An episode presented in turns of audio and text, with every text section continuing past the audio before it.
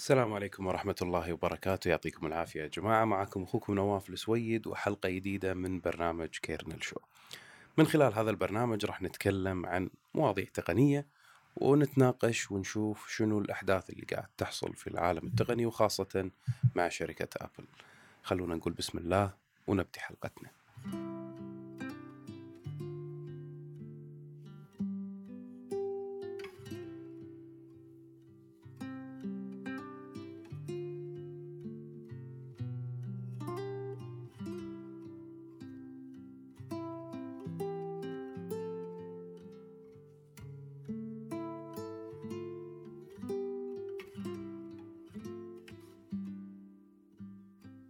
رحب فيكم من جديد أعزائي المستمعين في حلقة جديدة من Kernel Show موضوع حلقتنا لليوم راح نتكلم عن خروج جوني آيف من شركة أبل وشنو تأثير هذا الشيء على شركة أبل بالمستقبل؟ وشنو الأشياء اللي يعني أشوفها ممكن أن هي تحصل أو اللي بتصير آه، بعد هذا الخروج؟ طبعا آه، تقريبا صار لنا ثلاث أربعة أيام قاعد نسمع فقط أخبار خروج جوني آيفي في نهاية العام وإنشاء لشركة جديدة اسمها LoveFrom وإن أبل انتهت وأبل خلاص ومن الكلام هذا اللي دائما نسمعه. ولكن الأخبار اللي طلعت قاعد تتكلم بأن يعني حتى تيم كوك صرح بهذا الشيء بأن آه، هي بداية جديدة حق آه، جوني آيف في مجال التصميم وأنه يبي يطلع ويكون شركته الخاصة. وشركة أبل راح تكون من أوائل وأبرز ال clients أو العملاء لدى شركة جوني آيفي الجديدة اللي هي LoveFrom هذا الخبر راح يقول لك إنه والله يعني فتح آفاق جديدة لجوني آيف وشركته بالإضافة لشركة أبل ولكن خلونا نتكلم شوي عن آه أنا بالنسبة لي شنو اللي قاعد أشوفه في الوضع هذا إن خروج جوني آيف هل فعلا خلاص إن أبل انتهت من بعد هذا الشيء خاصة بأن أغلب النجاحات الحالية اللي قاعدين نشوفها مع شركة أبل سواء من أجهزة الآيفون الآيباد آه، وجميع الأجهزة وال services اللي موجودين الحين هي من تصميم جوني آيف. فشنو اللي ممكن يكون بعد جوني آيف؟ أنا بالنسبة لي يا جماعة يعني هذه السنة يعني من الأحداث اللي قاعد تصير خاصة بعد مؤتمر المطورين ال WWDC. فعلا حسيت إن أبل قاعدة تتغير وقاعدة تطلع من حقبة ستيف جوبز. قاعد تطلع من عباية ستيف جوبز و الإرث اللي خلفه آه، ستيف جوبز في شركة أبل. آه، لسنوات وإحنا نسمع إن ابل انتهت بعد ستيف جوبز وبعد ستيف جوبز ابل ما لها أي معنى وإلى الزوال وإلى آخره. ولكن من بعد تولي تيم كوك لشركة ابل الشركة آه، قاعد تأخذ منحى مختلف تماما. فلوسها قاعد تزيد انتشارها قاعد يزيد توسعها قاعد يكبر. آه، ال products والمجالات اللي قاعد تدخل فيها قاعد تكون أكثر وأشمل من السابق.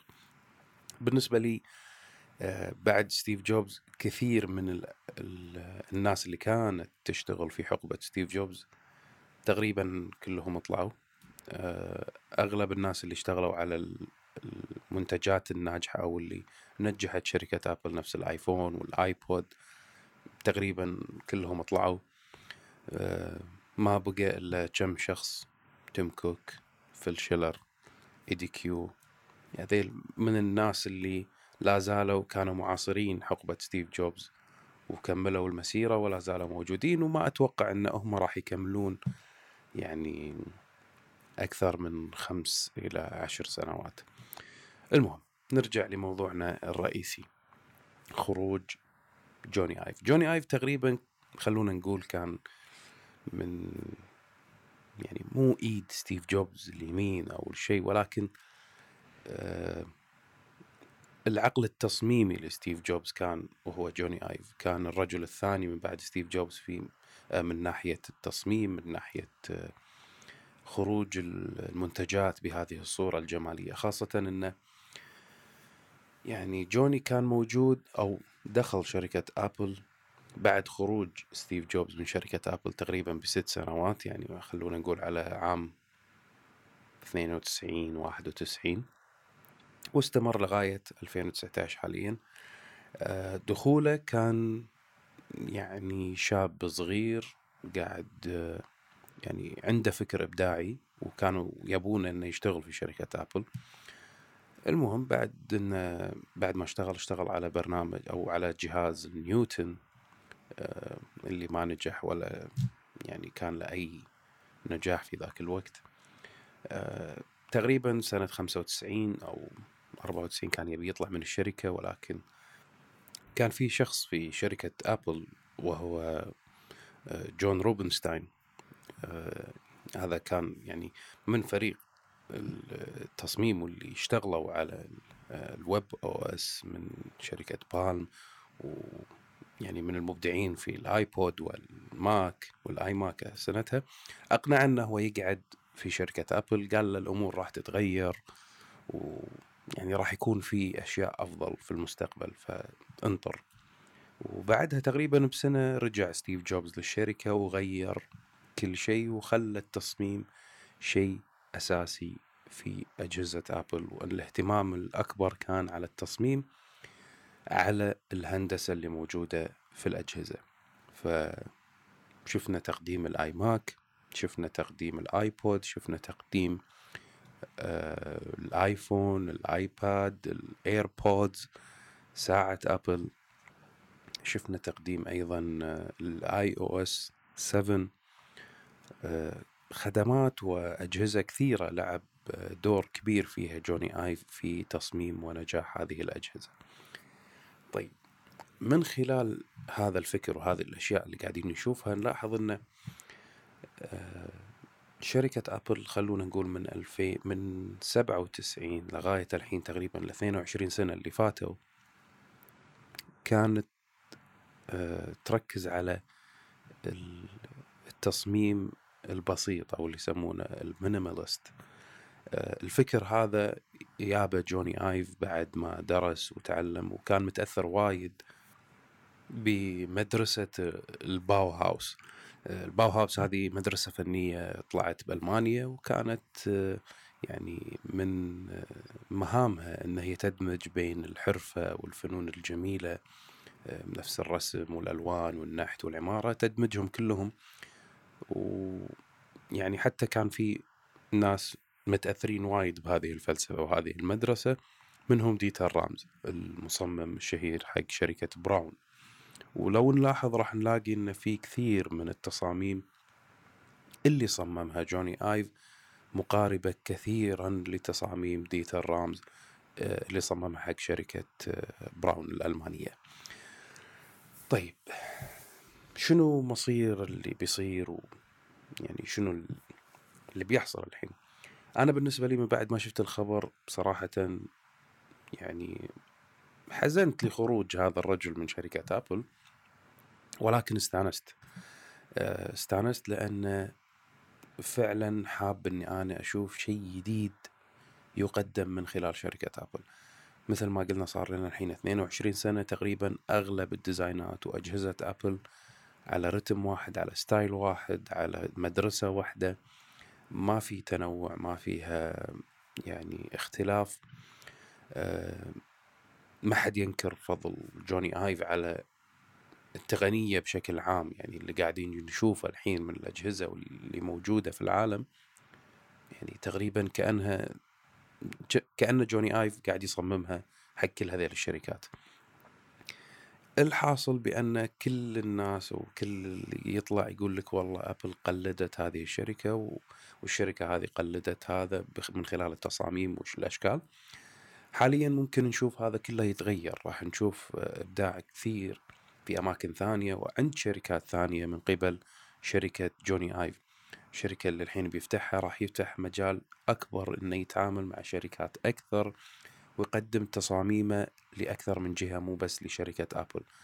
فهذا الشيء أسعدني أنه إيه ممكن نشوف شركات ثانية تقدم تصاميم تنافس تصاميم شركة أبل. آه راح يدخل في مجالات ثانية آه غير الأجهزة الإلكترونية وال devices راح يطلع إلى أماكن ثانية. فوحده هو المستقبل وهو اللي راح يقول لك شنو اللي ممكن نشوفه من إبداعات جوني آيف وشركته الجديدة. ولكن إذا رجعنا لموضوع شركة أبل خروجه آه، أنا بالنسبة لي الحين أتمنى خروج يعني خلاص بس حقبة ستيف جوبز لازم تنتهي. وهي يعني قاعد تنتهي شوي شوي ولكن الحلو بشركة أبل من اللي أنا قاعد أشوفه أن هي في يعني مو دراسة كثر ما أنه في خطة في الوضع موجود انه والله إحنا ندري شنو قاعد نسوي وشنو بيصير وندري إن هذا الشخص ما راح يكمل وهذا الشخص راح يكمل و يعني في خطة موضوعة استراتيجية مستقبلية للشركة. آه، خروج جوني آيف ما أتوقع فجأة. آه، كثير من الأخبار واللي يعني اللي شفناه واللي متابع راح يدري إن جوني آيف خلال السنوات الماضية خلونا نقول من 2015 تقريبا بعد ما صار ال chief design officer تقريبا ابتعد عن المهام اليومية للتصميم. وخلال الأربع سنوات ثلاث سنوات الماضية كان وايد مركز على بناء أبل بارك المبنى الجديد لأبل فكان أيضا مبتعد عن تصاميم الأجهزة والأشياء اللي قاعدين نشوفها. يمكن هذا يفسر سبب آه، شكل الآيفون الجديد والأجهزة بس ما عليه مو مشكلة راح نخليها ليوم ثاني نتكلم بهالموضوع. طيب نرجع لموضوعنا اللي هو إن خروج هذيل جوني آيف والموظفين وفورستول قبله مثل ما قلت لكم أنا أتمنى خروجهم كلهم تقريبا. أبي شيء جديد أبي أشوف دماء جديدة في الشركة. ولكن تبقى ماشية على نفس الاستراتيجية اللي وضعها ستيف جوبز واللي لا زال ماشي عليها تيم كوك. فلو بنشوف راح نلاحظ إن تيم كوك شخصية مختلفة تماما عن ستيف جوبز. ولكن لا زالت روح ستيف جوبز والأفكار وطريقة إدارة الشركة لا زالت موجودة بغض النظر أن أنا عن نفسي أشوف أن إدارة تيم كوك وايد أفضل من إدارة ستيف جوبز ولكن الروح لا زالت موجودة لشركة أبل من بعد عودة ستيف جوبز عام 96 97 لشركة أبل. ما في شيء تغير كروح وكمهام أساسية وكرسالة ولكن طريقة إدارة الشركة هي اللي تغيرت. أتمنى روح جديدة تدخل بالشركة أتمنى المصممين اللي جيل جديد يطلع يمسك الإدارة هذه أو يمسك التصميم ويعطينا أشياء جديدة ممكن نشوفها في الأجهزة. كثير من الناس الحين قاعد تقول والله الشركة خلاص ماكو شيء جديد من بعد جوني ايف نفس ما كان يطلع الكلام والله ما في شيء جديد من بعد ستيف جوبز. أنا عن نفسي أشوف المستقبل وايد أحسن من اللي راح. آه خلاص تقريبا يعني لو بنتكلم الحين جوني ايف صار له أكثر من 25 27 سنة في الشركة مقارب لل 30 سنة في الشركة. آه يكفي. ما أتوقع إنه هو ما عنده إبداع هو عنده لا زال الإبداع ولكن آه خلاص العمر في هذا المكان يحتاج لتغيير خاصة مع الأجيال اللي قاعد تي الحين وتستخدم الأجهزة الجديدة. فعندك أجيال جديدة موجودة الحين تحتاج إلى تصاميم تواكب عمرها وفكرها. جوني كبر إحنا كبرنا آه، الناس اللي صاروا فوق ال 25 سنة تقريبا التصاميم الحالية اللي موجودة في السوق صارت مألوفة لهم ولكن الأجيال الأقل اللي من 25 سنة وأقل آه، أعتقد يحتاجون تصاميم مغايرة عن اللي موجود حاليا. آه، على سبيل المثال أنا شخصيا شكل الآيفون القادم راح يكون في ثلاث كاميرات. بالشكل المربع أنا عن نفسي ماني متقبله نهائيا. ولكن أدري إن في جيل كثير من الأجيال الجاية أو جيل راح يطلع راح يكون هذا بالنسبة له شيء انولد شافه. ما كان عايش قبله وشاف شيء جديد. هذا راح يكون موجود عنده فراح يكون هذا الأساس يبني عليه شنو اللي راح يطلع له. كذلك لو نشوف يعني آه، جوني آيف كان ماسك قسم ال design سواء للبرمجيات أو لل hardware. ف الحين صار جيف ويليامز هو تقريبا الماسك وهو الرئيس لقطاع العمليات. الرجل الثاني تحت تيم كوك قبل جوني آيف وهو يعني آه، يعني يعطي تقاريره و report دائما لتيم كوك ولكن الحين صارت المسؤولية إلى جيف ويليامز ويعني الخبر هذا يمكن ما يهم وايد ناس ولكن يهم المهتمين في شركة أبل واللي قاعد يصير فيها آه، بأن لو بنلاحظ في فترة ستيف جوبز كان ستيف جوبز هو ال CEO تيم كوك كان ال COO تحته chief operation officer حاليا انتقلت هذا الشيء صار عندك CEO تيم كوك واللي تحته ال COO تقريبا جيف ويليامز الحين راح يعتبر الرجل الثاني في شركة آبل من بعد تيم كوك فممكن مستقبلا يكون هو الرئيس لشركة آبل وتيم كوك يصعد للإدارة ويصير في مجلس الإدارة وتمشي الشركة في هذا المنحنى. ولكن اللي أشوف أن الحين جيف ويليامز هو الرجل الثاني خاصة بعد ما كان ماسك قطاع آه، صناعة وتصميم ساعة أبل والنجاح الكبير اللي حاصل للساعة. فانتقال الحين لأنه ياخذ إدارة آه، يعني جوني آيف والإشراف عليها ونشوف شنو اللي ممكن يصير. هذا أيضا راح يفتح مجال أكبر بأنه يكون في عندك آه، المهندسين اللي يشتغلون على البرمجيات والمهندسين اللي راح يشتغلون أو المصممين اللي راح يشتغلون على الهاردوير. راح يكون في فكر جديد بينهم. آه، طريقة تعامل جديدة ما راح يكون. والله جوني هو اللي موجود فلازم ناخذ نفس الفكر والتصميم. آه، أتمنى هذا الشيء يتغير ويخلينا نشوف تصاميم جديدة. تصاميم يكفي نحافة وضعف نبي. ممكن يكون في تركيز أكثر للأداء فوق الشكل. يعني الاهتمام في السنوات الأخيرة عند أبل صار بالشكل أكثر من الأداء ولكن خلال الثلاث سنوات الماضية شفنا الأداء صار وايد قوي ولكن في شيء مو متوازن بين التصميم وبين الأداء. فالآيفون مثلا 6 S كان أخف من الآيفون 8 والآيفون 10 S Max يعني التركيبة للحين ما فيها توازن. ما ما في رتم متوازن بهذا الشيء فأتمنى أنه مستقبلا يكون في فكر جديد ما يكون في شيء على شيء ويهتم بهذا مقابل أو فوق هذا الشيء يعني. وبس والله هذا بالنسبة للموضوع. آه، أتوقع المستقبل راح يكون مختلف تماما. أتمنى الأفضل. آه، وأنا متفائل بأنه يكون الأفضل. آه، هو تقريبا صار له أربع خمس سنين مبتعد عن التصميم والشركة لا زالت ما في أي مشاكل. آه، أتمنى أشوف فكر جديد تصاميم جديدة أفكار جديدة. وننتظر ونشوف. ننتظر ونشوف. الحين ناخذ بريك بسيط ونرجع مع فقرة الأسئلة. ناخذ بعض الأسئلة من بعض الإخوان. من خلال قنوات التواصل الاجتماعي ونجاوبها إن شاء الله في فقرتنا القادمة من برنامج كيرنل شو خلكم معنا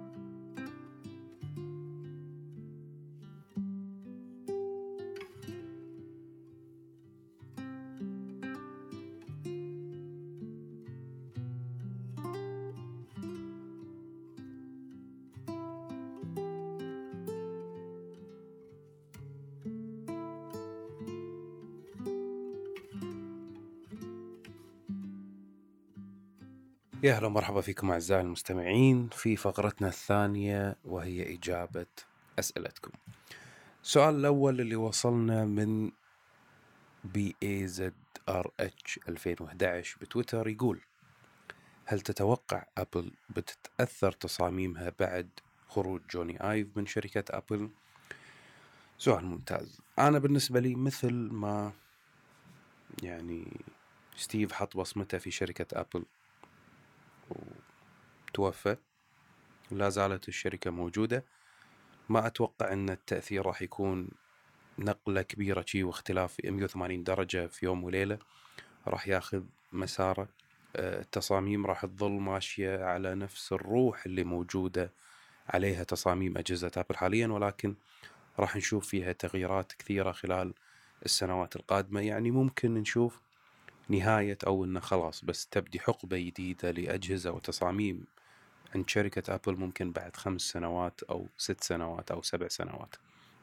نفس اللي حصل مع ستيف جوبز. يعني ستيف جوبز مات 2011 شفنا التغيير بدأ يحصل من 2016 2017 مع بداية الآيفون 10 بلشنا نشوف إن في تغيير ونقلة من فكر وعالم ستيف جوبز إلى فكر وعالم إدارة تيم كوك والأشياء اللي آه، قاعد تنفذها الإدارة الحالية ولكن الروح لا زالت موجودة. تأثير كبير خروج جوني آيف على التصاميم ما أتوقع آه، راح يكون في تغيير أتمنى وأكيد يعني بس أتمنى وايد يكون التغيير لشيء أفضل إن شاء الله. السؤال الثاني من علي الحيدري من تويتر يقول هل شركة أبل ممكن تدخل سوق صناعة السيارات الكهربائية أو صناعة السيارات بشكل عام؟ آه، في الفترة الأخيرة سمعنا بأن شركة أبل تفكر بإطلاق سيارة قبل سنة 2025 آه، من حوالي تقريبا الثلاث سنوات والإشاعات كانت تطلع على هذا الخصوص بأن شركة أبل آه، عندها project اسمه Project Titan يهتم في صناعة المركبات الآلية القيادة. فكثير من الناس كانت تتكلم عن قيادة السيارة والناس أبل تصنع سيارة المشروع توقف ورد مرة ثانية تم تسريح المهندسين العاملين في هذا القطاع وردوا الحين شوي شوي قاعدين يجيبون ناس يشتغلون في هذا المجال. ف ال project مو سهل وما حد يدري شنو ال project فعليا اللي قاعد تشتغل عليه ابل هل هو فعلا آه، إنشاء سيارة أو إنشاء نظام أو شيء يشتغل على السيارة بالتعاون مع شركات آه، تصنيع السيارات فقاعدين نشوف شوي شوي دخولها في مثلا الكار بلاي آه، يعني يقدمون بعض الخدمات للسيارات ولكن أنا عن نفسي أشوف صناعة سيارة كاملة حاليا يبيلها بعد وقت يبيلها يمكن بعد بعد 2025 ممكن 2030 هذا ال project يكون جاهز إن أبل تدخل في هذا المجال. حاليا وايد صعب إن أنت تتقبل لأن وايد أشياء تحتاج وجود آه، عوامل ثانية تساعد في صناعة هذا الشيء. خاصة إن أنا أشوف لو أبل بتدخل في صناعة السيارات ما راح تدخل في صناعة السيارات لمجرد وجود آه، إنه والله بندش بهذا المجال. لا لازم يكون في شيء يغير من فكر وجود هذا أو دخولها في هذا المجال. فما أتوقع إنه راح يكون عندها فكر إنه والله أبي أصنع سيارة تمشي بأربع تواير فيها سكان نفس اللي موجود بس ب design مختلف. راح يكون فيها فكر غير فتحتاج مثلا إن السيارة يعني مثل ما قلنا هو ال project اللي شغالين عليه والمشروع اللي شغالين عليه هو يعتمد على الاوتونوموس أو القيادة الآلية أو العمل الآلي بدون تدخل الإنسان. فممكن إذا دشوا في مجال السيارات آه، راح يسوون سيارة تمشي بروحها تسوق بروحها توصلك آه، يعني المكان اللي أنت تبيه بدون ما تدخلك في هذا الشيء. وهذا الشيء راح يحتاج وجود مثلا شبكة 5G وجود أبراج جديدة وجود شوارع جديدة خدمات جديدة. فهذا كله يبي له وقت مو أقل من الخمس إلى سبع سنوات القادمة. فراح نكون طايفين 2025 فراح ندخل يعني في الفترة اللي بعد 2025 فممكن على الثلاثينات السنوات القادمة يعني بعد خلونا نقول 10 11 سنة ممكن نشوف هذا البروجكت ولكن حاليا بعد سنتين ثلاث سنوات ما أتوقع إنه يكون موجود إلا بعد نضوج الخدمات اللي تساعد في دخول ابل في هذا المجال. Okay. نشوف السؤال الثاني عندنا سؤال من أبو طلال يقول ما سبب عدم إضافة ابل خاصية ال 3D Touch في الآيباد Pro الجيل الثالث؟ أه من المتوقع إن ابل في الأجهزة القادمة راح تشيل خاصية ال 3D Touch ما لها استخدام كثير. آه، أنا عن نفسي أستخدم ال 3D Touch في بعض الأمور نفس مثلا التنقل في الكتابة والمؤشر ومسح الكلمات و يعني أمور بسيطة مو كبيرة. آه، في النظام القادم ال iOS 13 Apple راح تضيف خواص مشابهة لل 3D Touch نفس اللي موجودة في ال iPhone 10R أو اللي موجودة في نظام ال iPad ولكن راح تشيل خاصية ال 3D Touch اللي موجودة في صناعة الشاشة نفسها اللي موجودة في أجهزة الايفون 8 والايفون 10 والايفون 10 والتنس 10 ماكس فهذه الخاصية مكلفة في صناعتها فإضافتها لل iPad راح يكون أيضا فيها تكلفة عالية بجانب سعرها العالي. فأنا أشوف إضا يعني إزالتها راح يوفر من قيمة الشاشات اللي تنصنع منها. آه راح يوفر آه المبلغ اللي راح ينصرف على إضافة هذه الخاصية وإضافتها من ناحية البرمجة بدال ان تكون شيء أو طبقة موجودة في الشاشة نفسها. ف عدم إضافتها في الآيباد لأن احتمال كبير إنها تنشال من جميع الأجهزة ومو بس من جهاز ال iPad.